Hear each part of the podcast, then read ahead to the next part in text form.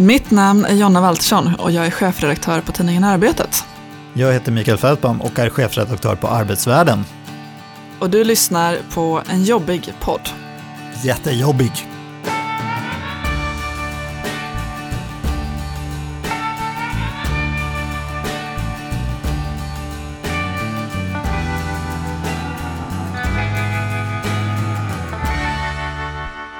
God morgon Jonna. God morgon. Hur är läget och vad ska vi prata om idag?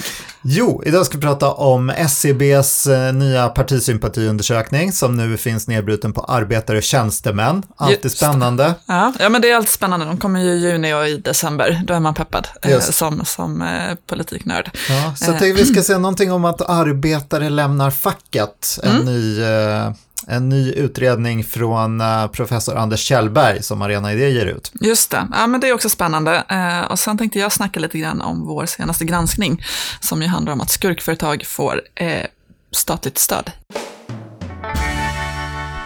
En fängelsedom på ett och ett halvt år för grovt bidragsbrott. Eh, om man då lägger till eh, företagsbot på närmare 2 miljoner kronor. Låter det som ett företag som är lämpligt att eh, få, få stöd för att hjälpa funktionsnedsatta och eh, långtidsarbetslösa tillbaka till arbete? Ledande Svar fråga. Svar nej. nej, men precis. Eh, och det här är ju då en del av, av vår granskning. Vi har ju då tittat på företag som får, får statligt stöd från, från Arbetsförmedlingen och hittat en rad anmärkningsvärda saker bland, bland delar av de här för, företagen. Och det är först nu som det går, går att göra den här typen av granskningar. Eh, tidigare eh, så har ju, när man har försökt begära ut den här typen av eh, information eh, från Arbetsförmedlingen så har det liksom alltid kommit tillbaka maskade papper. Ehm, Eh, men en ny, ny lag möjliggör att, att man faktiskt kan få ut den här informationen. Och det är ju någonting som eh, vi journalister verkligen, verkligen går igång på. Så det är kul att äntligen kunna göra det. Men, men eh, det är ju också eh, ver verkligen eh, anmärkningsvärda saker som vi, som vi har hittat. Bland annat då den här fängelsedomen, eh, men också en hel del andra saker. Det är skattebrott, det är stora böter för allvarliga arbetsmiljöproblem, bedrägeri, brott, brott mot utlänningslagen. Det är en hel, hel radd fyllda med, med, med grejer. Just det, och de här företagen får ju anställningsstöd då från Arbetsförmedlingen för Precis. att anställa människor som kanske har uh, olika svårigheter på arbetsmarknaden, mm. som subventionerade anställningar. Mm. Hur går Precis. det för de här människorna när de kommer ut och får jobb då? Får, jobbar de enligt uh, liksom, rimliga villkor eller är de där och får liksom hugga in då och då och att, att man fuskar även med anställningarna? Ja, alltså det finns ju absolut såklart massor med företag där, där det här sker liksom protokollsenligt och på ett bra sätt. Men vi har ju då hittat 189 företag där, där det inte fungerar som det ska, och bland annat arbetsplatser där man vid en kontroll då så, så uh, upptäcker man hur folk springer från och från arbetsplatsen. Det är människor som sover i källare, det är människor som ju behandlas väl, väldigt, väldigt illa. Eh, men där då eh, företaget i fråga under förevändningen om att man ska stötta personen in i arbete har fått eh, statliga pengar. Eh, mm. Den här regeländringen som gjordes, den går ju också ut på att Arbetsförmedlingen faktiskt får vägra eh, företag vid viss typ av brottslighet mm. att betala ut de här anställningsstöden. Men det verkar man inte göra. Nej men man, man, nej men man framförallt så kontrollerar man ju eh, väldigt få av de här företagen. Man gör ju i praktiken bara så stickprovskontroller eller om man får konkreta tips så, så tittar man ju närmare. Eh, men, men man kan ju verkligen tycka att eh, alla, alla företag som, som ansöker om anställningsstöd borde, borde genomgå någon form av allmän check. Det märker ju vi då nu när vi har möjligheten att det ju är väldigt enkelt att göra. Det är väldigt enkelt att, att se eh, hur många av de här företagen som faktiskt är dömda för, för brott.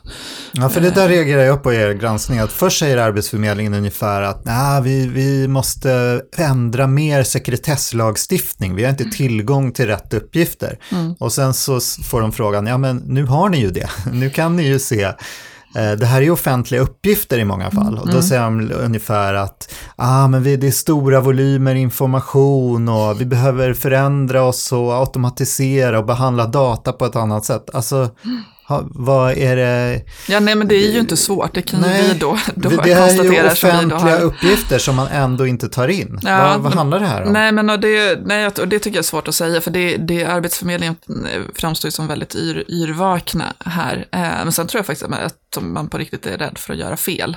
Eh, Lex GDPR, att det finns en väldigt stor ängslighet att man ska behandla personuppgifter på ett felaktigt sätt eller att man på något sätt ja, begår ett, ett misstag. Eh, så. Men, men, blir, men, men jag tycker det, ja. för jag menar, det här är ju allvarliga saker så det är klart att man eh, borde granska de företag som får, får ut pengar. Mycket. Om man ska vara konspiratorisk, nu, jag, jag jobbar inte på arbetsförmedlingen, jag vet ju inte hur de jobbar på arbetsförmedlingen, men det låter ju lite grann som att så här, det är bättre för oss att få ut de här pengarna och anställningsstöden, för då har vi gjort vårt jobb, än att sitta och stoppa vår verksamhet genom att kolla upp om företag är skurkar innan vi gör saker. Ja, alltså det tror jag kanske är, det låter lite konspiratoriskt. Nej men jag vet det, men för det är ju så här, det är en stor myndighet. Eh, jag menar, ska man då börja kontrollera det här mer systematiskt, då måste man ju sätta upp nya rutiner för det. Jag kan tänka mig att det är där det tar stopp någonstans, att det är, eh, ah, det, det, blir, det vi blir för får fortsätta följa upp det här Ja, men enkelt. absolut. Jag menar, och det kan man ju se som ett löfte från vår sida. Vi kommer ju fortsätta granska det här. Nu har ju vi i, i den här granskningen, har vi bara tittat på två månader och det är därför att det här har varit möjligt så pass kort tid. Men vi, vi kommer ju fortsätta granska det här, så det, det kan ju Arbetsförmedlingen räkna med. De kommer fortsätta få frågor om det här och jag tror att utifrån reaktioner från journalistkompisar eh, på vår granskning så tror jag att det är fler, fler tidningar som kommer tycka att det är väldigt spännande att, att granska det här. Det finns mycket, mycket spännande saker att hitta inte för att jag vill, vill låta någon annan eh, komma före oss när vi, när vi eh, gör vår grävande journalistik, men, men det är ju jätte, jätteintressant. Yes, SCB har kommit. Just det, mm. ja, men jag tyckte det var intressant. Eh, jag kollade lite på siffrorna och Eh, det som jag fastnade för, det, alltså det som har hänt rent generellt är ju att jag svängt väldigt mycket åt vänsterblocket. Så mm. att SV och MP hade väl egen eh, majoritet, de behövde inte Centern ens. Nej, men jag tror väl S, det beror på vilka man tittar på, men tittar man på arbetare, men det var inte det du menade. Nej, så nu menar jag generellt. Ja. Men, men och, ja, man ska väl ta det där med en nypa salt. Alltså, det är ju, valen brukar ju vara väldigt jämna mellan vänster och höger. Liksom. Mm, mm. Eh, men eh, det som var spännande tyckte jag var att Eh, om man tittar på LO-väljarna, då mm. har ju visserligen sossarna gått fram väldigt mycket och Sverigedemokraterna har backat. Mm. Och det är ju majoritet för eh, vänsterblocket om man räknar in Centerpartiet. Mm. Men, då, men det som jag ändå reagerade på var att de är faktiskt mer högerlutande, LO-väljarna, än både TCO-väljarna och framförallt SACO-väljarna. Saco-väljarna är ju de mest välutbildade då. Mm. Och där är ju det en förkrossande dominans för vänsterblocket. Alltså där är siffrorna 64 procent röstar på vänsterpartierna inklusive C och 34 för högerblocket. Mm. Det var, jag hade inte riktigt fattat den där jätte jättestora omsvängningen. Känns som, som, alltså nu har ju alla svängt då, som sagt, man ska ta det med en nypa ja. salt, men det är ändå väldigt stor skillnad på LO-väljarna som är mer högerlutande mm. än svenskarna i gemen. Mm. Och Saco-väljarna som var mm. otroligt vänsterlutande. Mm. Och då blir man ju lite sådär, jaha, den där, man har ju hört om den där klyftan stad-land och att storstäderna går liksom vänsterut. Alltså att det blir mer som i övriga Europa ja, där ja, storstäderna är ofta är vänster och landsbygden är höger. Mm. Och jag tänkte också på, vi har ju, det har ju kommit en studie om varför Sverigedemokraterna har så få välutbildade väljare. Och där handlar det ju om att man på universitet och högskolor skolas in i en mer internationalistisk liksom, tankevärld. Mm. Där man liksom, ja, kanske beundrar utlandet eller utländska akademiker och eh, utsätts för många människor från andra länder och det finns ett ideal om att vara liksom världsomspännande på ett annat sätt och att det där liksom vaccinerar mot fördomar mot folk med annan hudfärg. Mm, kanske, men handlar det inte om att man generellt sett lever ett trygg, tryggare liv? Alltså att ar arbeta, menar, arbetarmän på landet har ju, eh, menar, de löper större risk för att bli av med jobbet och så vidare. Och då, då ser man lättare invandringen som, som ett hot. Jo men absolut. Alltså det är väl, jag tänker att det är ökade klyftor men det är också en statusförlust för män mm. i arbetaryrken. Mm. Alltså med ökade klyftor så blir ju utbildning allt viktigare ja, ja, och absolut. har man låg utbildning då ser man sig som förlorare i samhället, mm. vilket man också är. Man är det både ekonomiskt och statusmässigt. Mm, Plus mm. att status blir allt viktigare i ett samhälle med ökade klyftor, tänker jag. Ja, ja, nej men absolut. Så är det ju. Ja, men mm. det var spännande med ja. den där uh, väldigt stora differensen och ja. att det börjar skilja så mycket på välutbildade och uh, liksom folk med kortare utbildning. Mm. Ja, nej men precis. Nej, men jag tror som du att det är en internationell trend som vi ser också här i Sverige nu. Jaha, ska vi, eh, vi, ska vi säga någonting om eh, organisationsgraden ja, också? Det, det vill säga hur många anställda som är med i facket. Ja, Exakt, det är ju faktiskt jätteintressant. Den, den, rapporten som ju kommer varje år släpper väl om den, eh, när de tittar på organisationsgraden och där man ju ser eh, en, en, också då en växande skillnad faktiskt mellan arbetare och tjänstemän i hur ofta man är med i facket. Där har ju skett en, ja, men den, förändringarna har ju skett sedan 2006. Då var ju organisationsgraden i princip helt eh, lika. Så ser det ju inte ut längre. Nu är det väl vad är det, 59 procent av, av arbetarna som är med i ett fackförbund och eh, hur, nu ska jag säga, 73 procent av, av tjänstemännen som, som är i, i facket. Eh, och det man också kan se är ju är en växande skillnad, skillnad mellan inrikesfödda och utrikesfödda. Just det, och det som verkar ha hänt där var ju att under eh, covid så var det många som sökte trygghet, gick med i facket och nu så börjar den där effekten släppa mm. samtidigt som väldigt många utrikesfödda har kommit in på arbetsmarknaden mm. och kanske ofta i en typ av lägre avlönade jobb där fackförbundsavgiften ses som väldigt dyr. Mm. Man kanske har en tidsbegränsad mm. anställning eller mm. till och med ett sms-jobb och då anser man inte i dagens inflationssamhälle mm. liksom, att man har råd med fackavgiften. Nej, men precis. Så det är väl många, många faktorer som ja, Och just höjningen av fackförbundsavgiften i den typen av förbund, det är ju det som är grundorsaken till att det, vi började se den här skillnaden. Det var ju det som skedde där. Mm. Eh, tidigt 2000-tal. Mm. När dåvarande alliansen kom, kom till makten. Mm. Ja, men så det är väl kanske egentligen mer förändringar på arbetsmarknaden som mm. helhet. Nya grupper mm. kommer in, nya yrkes eller nya anställningsvillkor tar över än att eh, det är en förändrad inställning till facket kanske. Ja, precis. Det, det skulle jag också tro. Eh, även om jag har fått några arga läsarmail eh, där, där, där läsarna är arga över eh, LO-förbundens band till, till Socialdemokraterna. Det finns väl ett antal Sver Sverigedemokrater eh, som, som är eh, upprörda över det här. Men, men jag tror, jag skulle ändå säga att de är, de är relativt sett eh, få.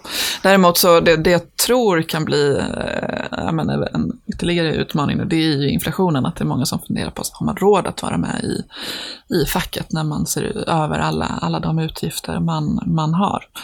Mm. Eh, så det, ja, det är en utmaning här för, för LO-förbunden. Det finns mycket, mycket att göra.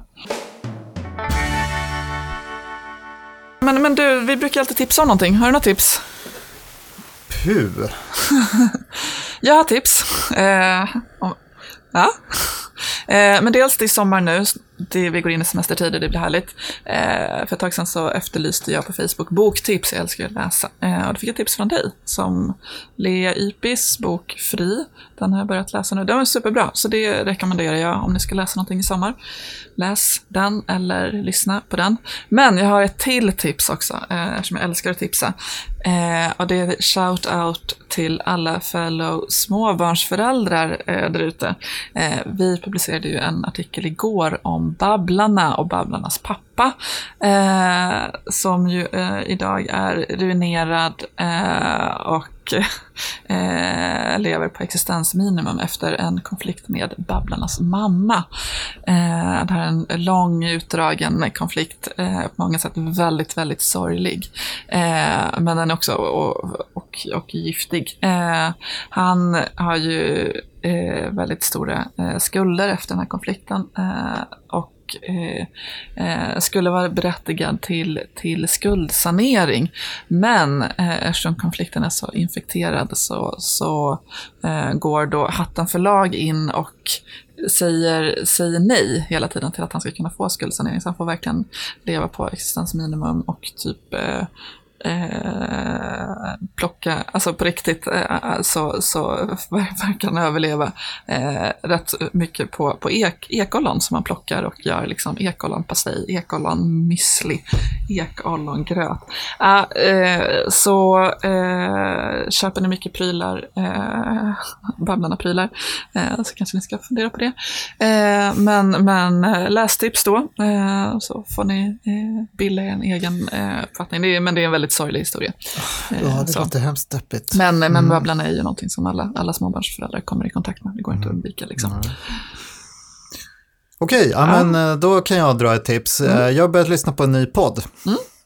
Och det är ju, eh, inte så oväntat kanske, DNs politi nya politikpodd ja, med Anne Reuterskiöld och Thomas Ramberg. Mm. Eh, älskade politik. Ja. Eh, jag, är ju ett, eh, jag följer ju Thomas Ramberg, var, ja. han, var han än befinner sig, ja. så det känns härligt att de nu har startat en, en podd hos DN. Mm. Eh, så det är väl mitt eh, tips. Den har lite ersatt Alltså jag tycker det är så svårt att veta vilka politikpoddar man ska följa. Man försöker ju med, liksom, eller med Ja, det finns eh, Aftonbladet, ja, Expressen, Aftonbladet, det är Politiska spelet, det är mycket, mycket tid som går åt till, till poddlyssnarna. Sveriges Radio, ja men SVDs ledare försöker jag lyssna på, men ja. jag, jag, den säger ju många, många som gillar att lyssna lite på sådana där, eh, men ja, nej, mm. men nu har jag, nu känner jag att uh, DNs uh, politikpodd är min podd. Mm.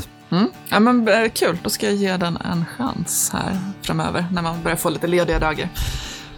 Det blir fint eh, avslut på denna, detta, detta avsnitt av en jobbig podd. Då får vi tacka för oss.